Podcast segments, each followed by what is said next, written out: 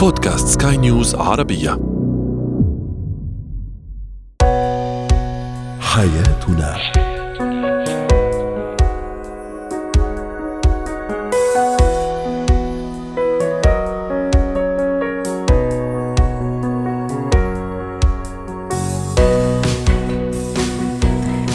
الكرام أهلا بكم معنا إلى حياتنا فضاؤكم اليومي الذي يعنى بشؤون الأسرة وباقي الشؤون الحياتية الأخرى والذي يمكنكم الاستماع اليه عبر منصة سكاي نيوز عربيه dot com slash podcast وباقي منصات سكاي نيوز العربية الأخرى.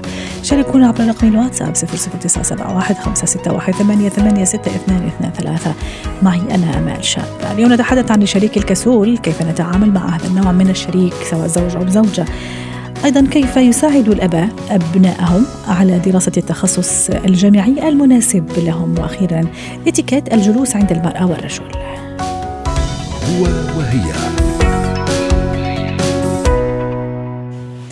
لا شك أن من أكثر الأمور إحباطا في الزواج عندما يقع على أحد أو على عاتق أحد الزوجين مسؤوليات وأعباء كثيرة بينما يفضل الآخر أن يخلد للراحة أو ينعم بالراحة طول الوقت ويتسم بالكسل.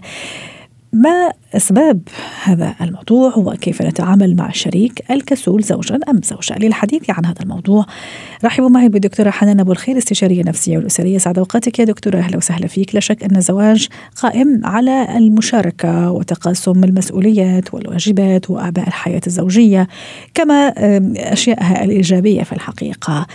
لكن أحيانا قد يكون أحدهما زوج أو زوجة كسولا. كيف أتعامل إذا كان شريكي كسول؟ أهلا بيكي. يا أهلا وسهلا دكتور. المستمعين هو خلينا نقول الأول إنه الكسل لازم نعرفه الأول. تمام. هو الكسل يعتبر سمة من سمات الشخصية فعشان كده صعب جدا صعب جدا إن إحنا نخلص الشخص من هذه السمة. خلينا م. نكون واقعيين. م. فدلوقتي لو بني آدم عنده كسل واتجوزته لقيته سواء زوج أو زوجة وفي الغالب في الحقيقة في الغالب بيبقى الزوج. لأنه بيشتغل وبيرجع في الغالب الحالات اللي بتيجي في العيادة في الغالب السيدة هي التي تشكو من إن هو رامي عليها حمل البيت كله وكل المسؤوليات والمدرسة والأولاد والدراسه والمدرسات واستدعاء ولي الأمر وكل معقول إنه هي ممكن تكون عودته على كده يا دكتورة؟ أيوه. أو ساعدته على إنه شوية يزيد كسل على كسل؟ هو لا هي سمة من سمات الشخصية بس الزوجة عليها دور كبير وده م. هنيجي نتكلم فيه لما نيجي نتكلم م. كيفية التعامل مع الزوج لأنه بتعرفي يا دكتورة ليش وانت عم تحكي حضرتك ذكرت موقف أحد الأصدقاء يعني وهو عزابي كان نشيط جدا عرفتي كيف ممكن حتى هو يطبخ بيرتب البيت يعني واس خلص تزوج وارتبط فعلا حتى زوجته صارت تشتكي لي يعني تقول لي يعني كسول جدا فصرت أنا أعمل هالمقارنة بس لأعرفه عنه لا إنه هو كان نشيط وما عنده مشكلة زي ما أشرت في البداية إنه ممكن يرتب البيت يمكن فقصدي هون الزوجة ممكن هي قد تساهم حتى إذا لم يكن كذلك. إذا لم تكن هذه سمة شخصية فيه ممكن يعني راح يرمي الحمل عليها كله. ما هو برضه رمي الحمل عليها بيبقى جزء من الخطأ التربوي. وكأنه المجتمع الذكوري بيسمح إنه أول ما يتزوج كأن الزوجة دي خادمة صرف الألفاظ يعني. فهو دلوقتي بيسيبها. هو كان كويس جدا قبل الزواج وبيعمل كل حاجة ونشيط وكل. رمى الاحمال عليها فهي اللي بقت تشيل. فخلاص فده هنبدأ نغيره. بس خليني برضو أوضح حاجة ضرورية وبتفرق كتير. في فرق بين الكسل وبين السلبية. الشخص السلبي اللي ما بيعملش حاجة. السلبية دي الشخص السلبي ده شخص كارثي. يعني مثلا لما يبقى في غرفته والزوجه جالها السباك وجالها رجل جوه وبينظف وبيعمل وبيعمل صيانة و وهو لا يظهر تماما. هذا رجل غير غيور على أسرته غير غيور على أهل بيته. يعني اطلع واتكلم واعمل. ده سلبية. ده نوع يعني لا مبالاة يصل إلى حد العدوان السلبي. مع إن عنده الإرادة على فعل هذه الأشياء لكنه لا يفعل. ده سلبي. لكن الشخص الكسول من منا لا يمر في مراحل حياته بجزء من الكسل أو بلحظة كسل؟ طبيعي جدا إذا كان ده سمة من سمات الشخصية لكن لا يعوق الحياة. أصل الكسلان ممكن يأخر الحاجة شوية ياخد أيوة. وقت على ما يعمله محتاج. شوية فده بنديله وقته. لكن تكاسل يعني. حاجة ثانية تكاسل. أيوه أيوه بالظبط. لكن السلبية هي اللي مدمرة. يعني دي المفروض يبقى ليها طرق وليها علاج وليها كيفية مواجهة. يعني في الحقيقة دايما أنا بقول لأي زوجة لما تيجي تشكو إن زوجها سايبها شايلة كل الأحمال فنقول لها الخطأ وبنقول لحديث الزواج خلي زوجك يشيل معاكي مسؤوليات عوديه خليه يتعامل معاكي يساعد في البيت ولو حتى في الويك إند. يقف معاكي في حاجات يروح يعتذر في الشغل يروح يقدم تقديم المدارس للأبناء. أي مشكلة يروح للنادي يعني حاجة لكن ما تسيبش الزوجة تشيل كل الأحمال. كثير من الزوجات بتشيل الأحمال دي وبتوافق على كسل لزوجها لأن هي حابة كده. وعلى فكرة كمان دكتورة حتى نتوسع أكثر في الموضوع وما نخليها فقط متركز على الزوج وكأنه فقط هي اللي يعني وكأنه فقط لا.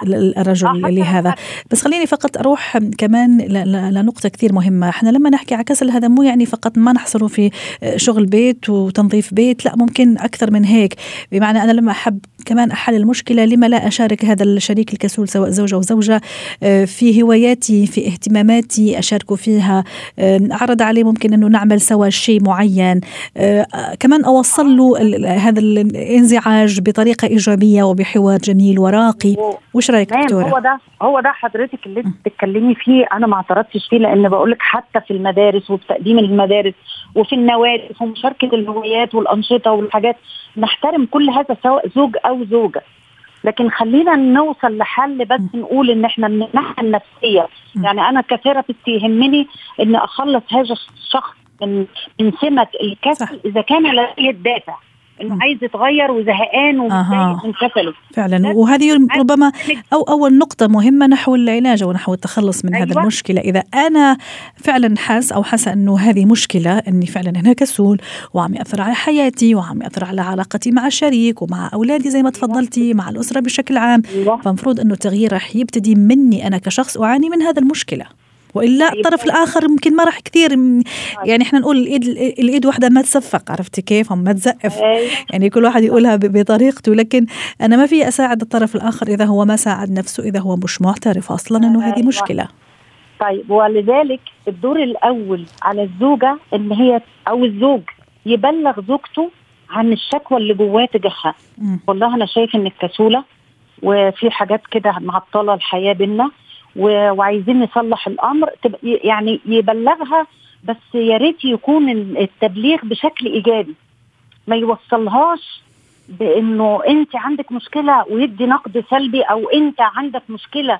فالنقد السلبي عندنا في السيكولوجي لا يؤتي ثماره. صحيح. بالعكس يعمل مقاومة عناد يعني يقاوم ويعاند أكثر لا حتى الطفل لما تيجي تنتقد الطفل نقد سلبي أنت بتكسريه. بتعملي له يعني خلاص مشاعر نقص عدم ثقة في النفس.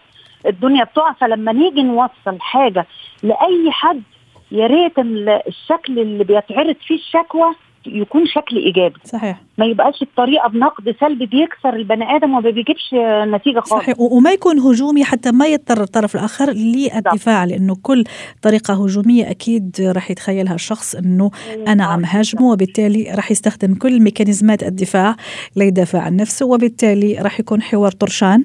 ما راح نستفيد منه ولا شيء لكن إحنا استفدنا كثير منك اليوم دكتورة حنان أبو الخير استشارية نفسية وأسرية ضيفتنا العزيزة من القاهرة وأتمنى لك يوم جميل وسعيد. زينة الحياة اليوم في زينة الحياة نركز على موضوع اختيار التخصص أبناء تخصص الدراسة خاصة في الجامعات.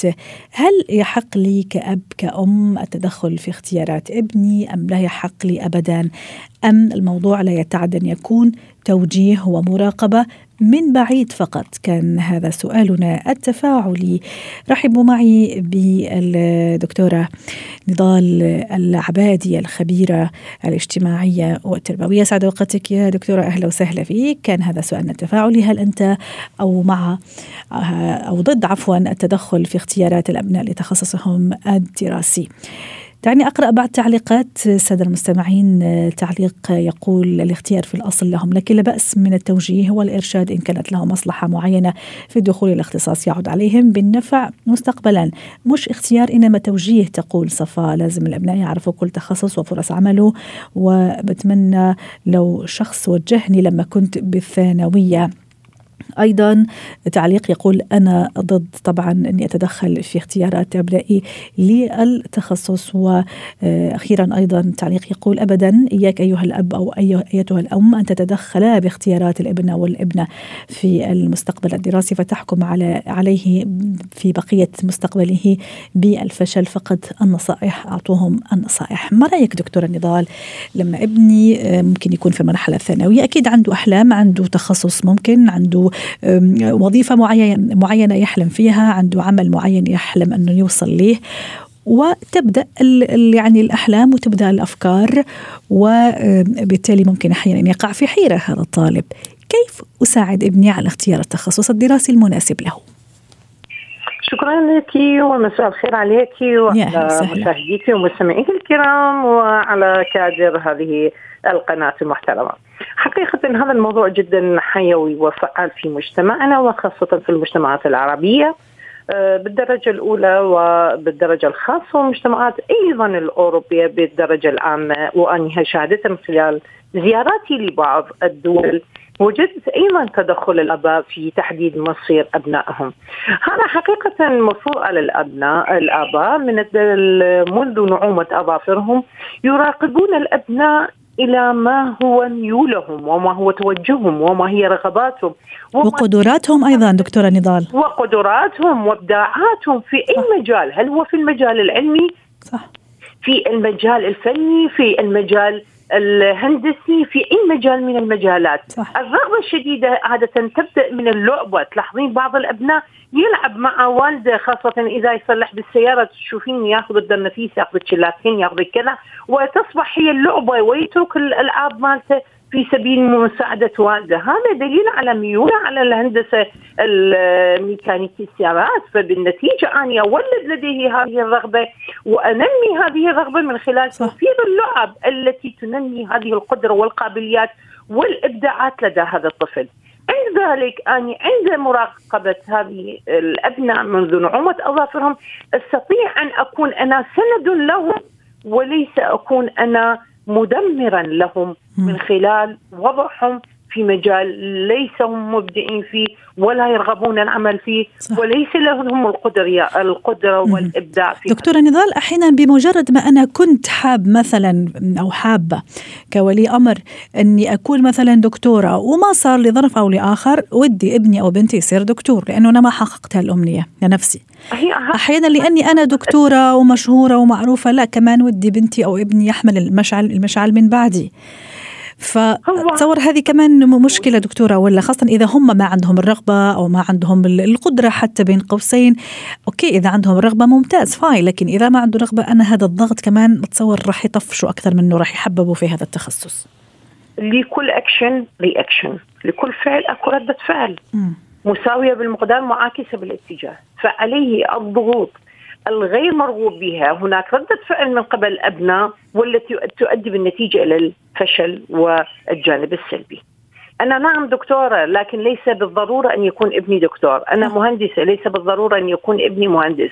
أنا ابني مختلف عني. هناك فروق فردية. هناك فروق في القابليات فروق في القدرات فروق في صح. التفكير في النمو العقلي في كل شيء في القدرات الجسدية. وبعدين كمان دكتورة بدي لماذا أني أجبر الآخرين على ما لا يستطيعون؟ وهنالك صلى الله عليه وسلم يقول إن أردت أن تطاع فحد بما يستطاع؟ فمن هذا المنطلق إنه أنا يجب ان ادع المقابل أن يكون ما يعمل ما بإستطاعته وما بقدرته وما بقابليته. واحيانا أيضا دكتورة حتى نروح لنقطة أخرى حابه حابة أناقشها معك موضوع التصنيفات سبحان الله في كذا في الوعي الجمعي إذا بدك في تصنيفات معينة لمهن ولوظائف إنه هي هي الجميلة وهي الرائعة وهي المرموقة هي التي تبين عن طبقة اجتماعية معينة أو على أسلوب حياة معين فخلص كلهم يعني أو كل اولياء الأمور ودهم انه أبنائهم يروحوا لهذا التخصص دون غيره لأنه التخصصات الأخرى بالنسبة لهم مش ولا بد. كمان في نقطة كثير مهمة الأهل عم يغفلوا كمان البعض الأهل طبعا أنه العالم عم يتغير في تخصصات ما كانت موجودة قبل أو ما كان يعطى لها الأهمية الكبيرة لكن الآن مع سوق العمل مع التكنولوجيا مع مع صارت تخصصات كثير مطلوبة. فلما مثلا ابني يجي يقول لي ماما أنا بدي هالتخصص ممكن أنصدم. ممكن أقول له لا ممكن أنصحه أنه ما يروح. في حين أنه لا كثير مهم صار هالتخصص. أكيد هسه نحظي الآن في هذا الزمن اغلبيه يعني يعني عندي طلبة معدلهم 100 أو 98 99 لكن لم يذهبوا إلى الطبية ولم يذهبوا إلى الصيدلة ولم يذهبوا إلى طب الأسنان بل ذهبوا إلى هندسة الحاسبات. من سألت هؤلاء الطلبة عن هذا السبب قالوا لأن هذا هو آه، زمننا وعصرنا هو زمن الحاسبات. فليس بالضرورة أن يكون هو يعني آه، كما يملك الأب يملك الأبناء. فنستطيع أن نقول أنه آه، الأبناء هم آه، الأداة لبناء المستقبل وجيل المستقبل. فلندعهم يعملون برغباتهم كي يستطيع أن يكون مستقبل القادم لأبنائنا آه، وفق آه، تطور حقيقي لأنه نابع عن رغبة وعن حب وعن وجدان وبالنتيجة أي شيء يعني حتى طلابي أقول لهم دائما لا تستطيعون أن تفهمون المادة ما لم تحبون المادة. 100% لأنه أحيانا دكتورة أيضا نضال آه، لما أضغط على ابني أو ممكن أحاول إني أزين له الأمر إنه ترى التخصص هذا رائع وجيد وجوهاد وما راح تندم. ممكن وتحت ضغط معين ممكن يعني يستسلم بين قوسين. لكن سرعان ما تشوفي إما يخفق يفشل في النتائج وممكن يدرس سنة سنتين ويروح يغير على تخصص تاني فضاع منه سنة أو سنتين. نعم بالتأكيد يغير على التخصص اللي هو يرغب به. آه لاحظي كثير كثير لو نسوي هسه استبيان وبالفعل إحنا سوينا استبيان قبل حوالي آه قبل جائحة كورونا. كان نسبة اللي ذهبوا إلى الكليات برغباتهم ما تتجاوز ال 15% يعني واللي آه، يعني مشكلة 15% يعني نسبة قليلة جدا. نعم نعم جدا قليلة. وفق رغباتهم وهؤلاء على النفقة الخاصة كانت دراسته. وليس وفق الدراسة العامة أو الحكومية ما يسمى بين قوسين. نتيجة تدخل الأهل وكل اللي تسأليهم هم تدخل الأهل في اختيارهم الجامعي. وكان نتيجتهم أيضا الفشل. رائع. لاحظي يعني هذه هذه الإحصائية جدا مؤثرة وهذا تعرفين بالمستقبل ياثر أيضا على المجتمعات على تقدمها على اقتصادها على أخلاقيتها على كثير من الأمور. بالنتيجة الطفل عندما أو الابن أو الفتاة عندما لم تحقق ذاتها من خلال مستقبلها تتذمر وبالنتيجة تصبح إنسانة غير مجدية غير منتجة إنسانة آه، دائما ذات طاقة سلبية وليس ذات طاقة إيجابية وبالنتيجة تأثر حتى على المحيط الذي آه، هي تكون فيه.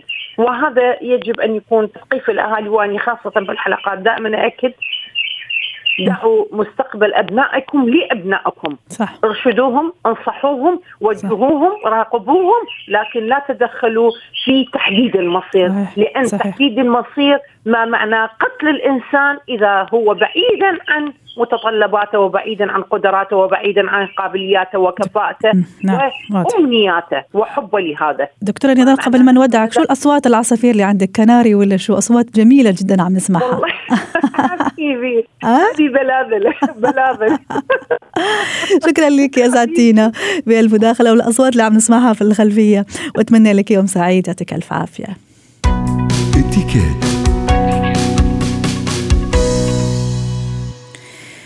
اليوم في اتيكيت حديث عن اتيكيت الجلوس سواء عند السيدة أو الرجل. رحبوا معي بسارية الخير مدربة اتيكيت يسعد أوقاتك يا سارية. أهلا وسهلا فيك. أكيد لكل شيء ادب وذوق وطريقة.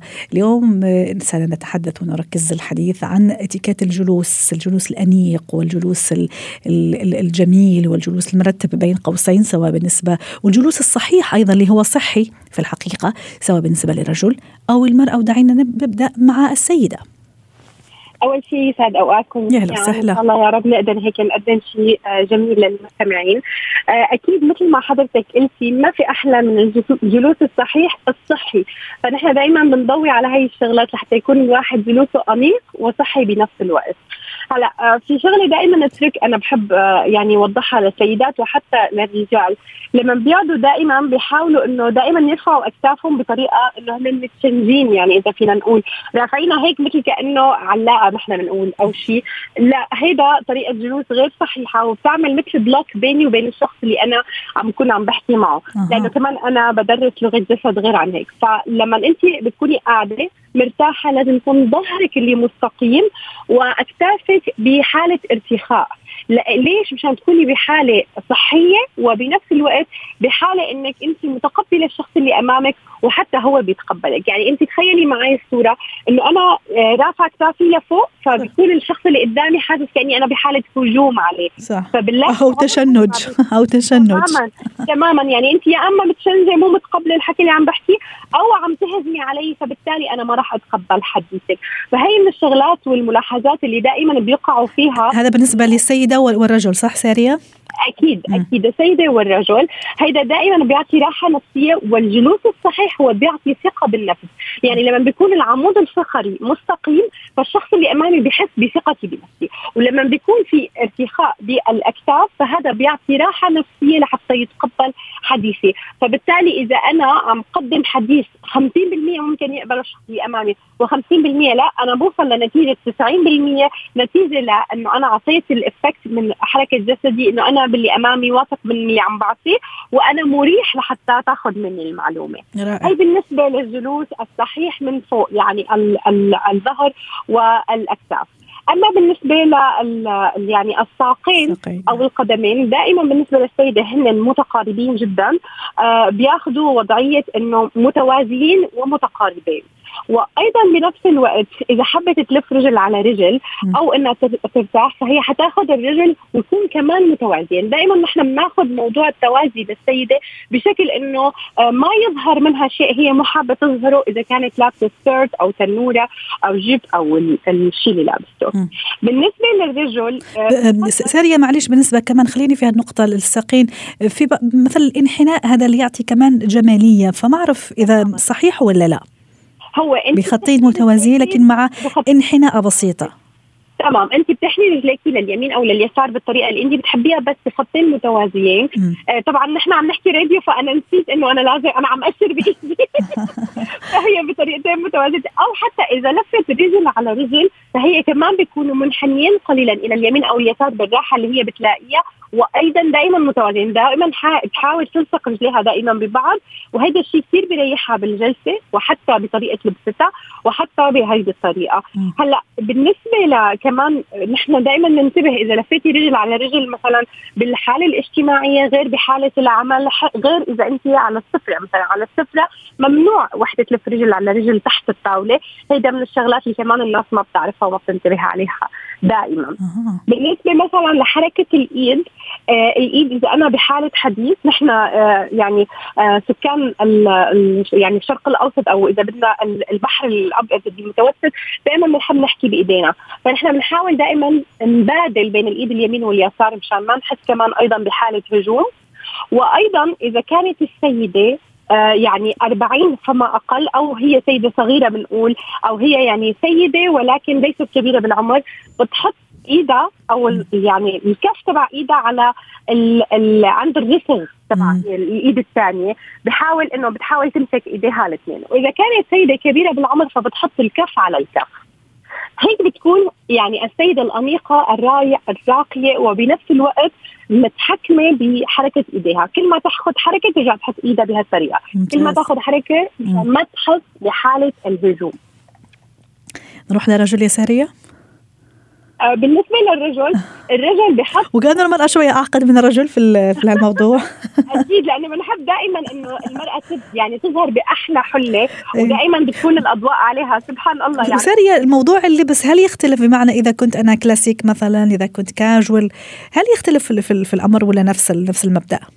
هلا دائما بدها تحافظ على نفس الجلسة ولكن بدها تنتبه أكثر إذا كانت لابسة مثلا تنورة قصيرة م. إذا كانت لابسة ديكولتي أو شيء مبين إيديها أكثر فبتحاول تقلل من حركة إيديها يعني بتعرفي هي هذا الموضوع بالاخير بيكون حرية شخصية ولكن دائما نحن بنحاول إنه المرأة تظهر بالمظهر الراقي والمظهر الراقي مثل كل ما كان royal family أو شيء بتلاقيها هي مغطية أكثر من جسدها عرفتي كيف؟ فبالتالي الجلسة الحلوة هي إنك تضلي محافظة على لبسك واناقته من دون ما يظهر كثير من جميل. الجسد طب نروح للرجل الرجل لازم جلسته تكون يعني بيقدر يباعد بين رجليه آه ولكن بدي أقول لك كل ما علا مركزه كل ما إنه هو ما بيلف رجل على رجل يعني نحن بناخذ حذوة آه. يعني بنحتذي بالملوك والرؤساء دائما لما يكون عندهم اجتماعات عالية المستوى ما بيلفوا رجل على رجل وأنا هون بحب مثلا أقول لك إنه مثلا الملك حسين ملك الأردن بحياته ما لف رجل على رجل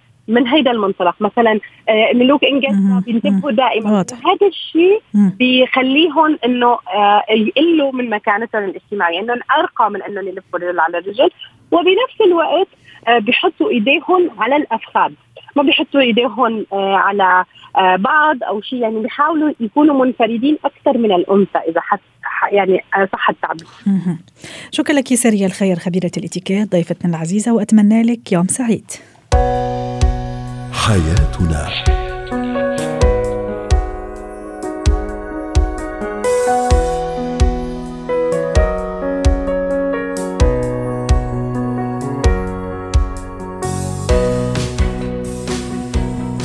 ختام حلقة اليوم من حياتنا. شكرا لكم وإلى اللقاء.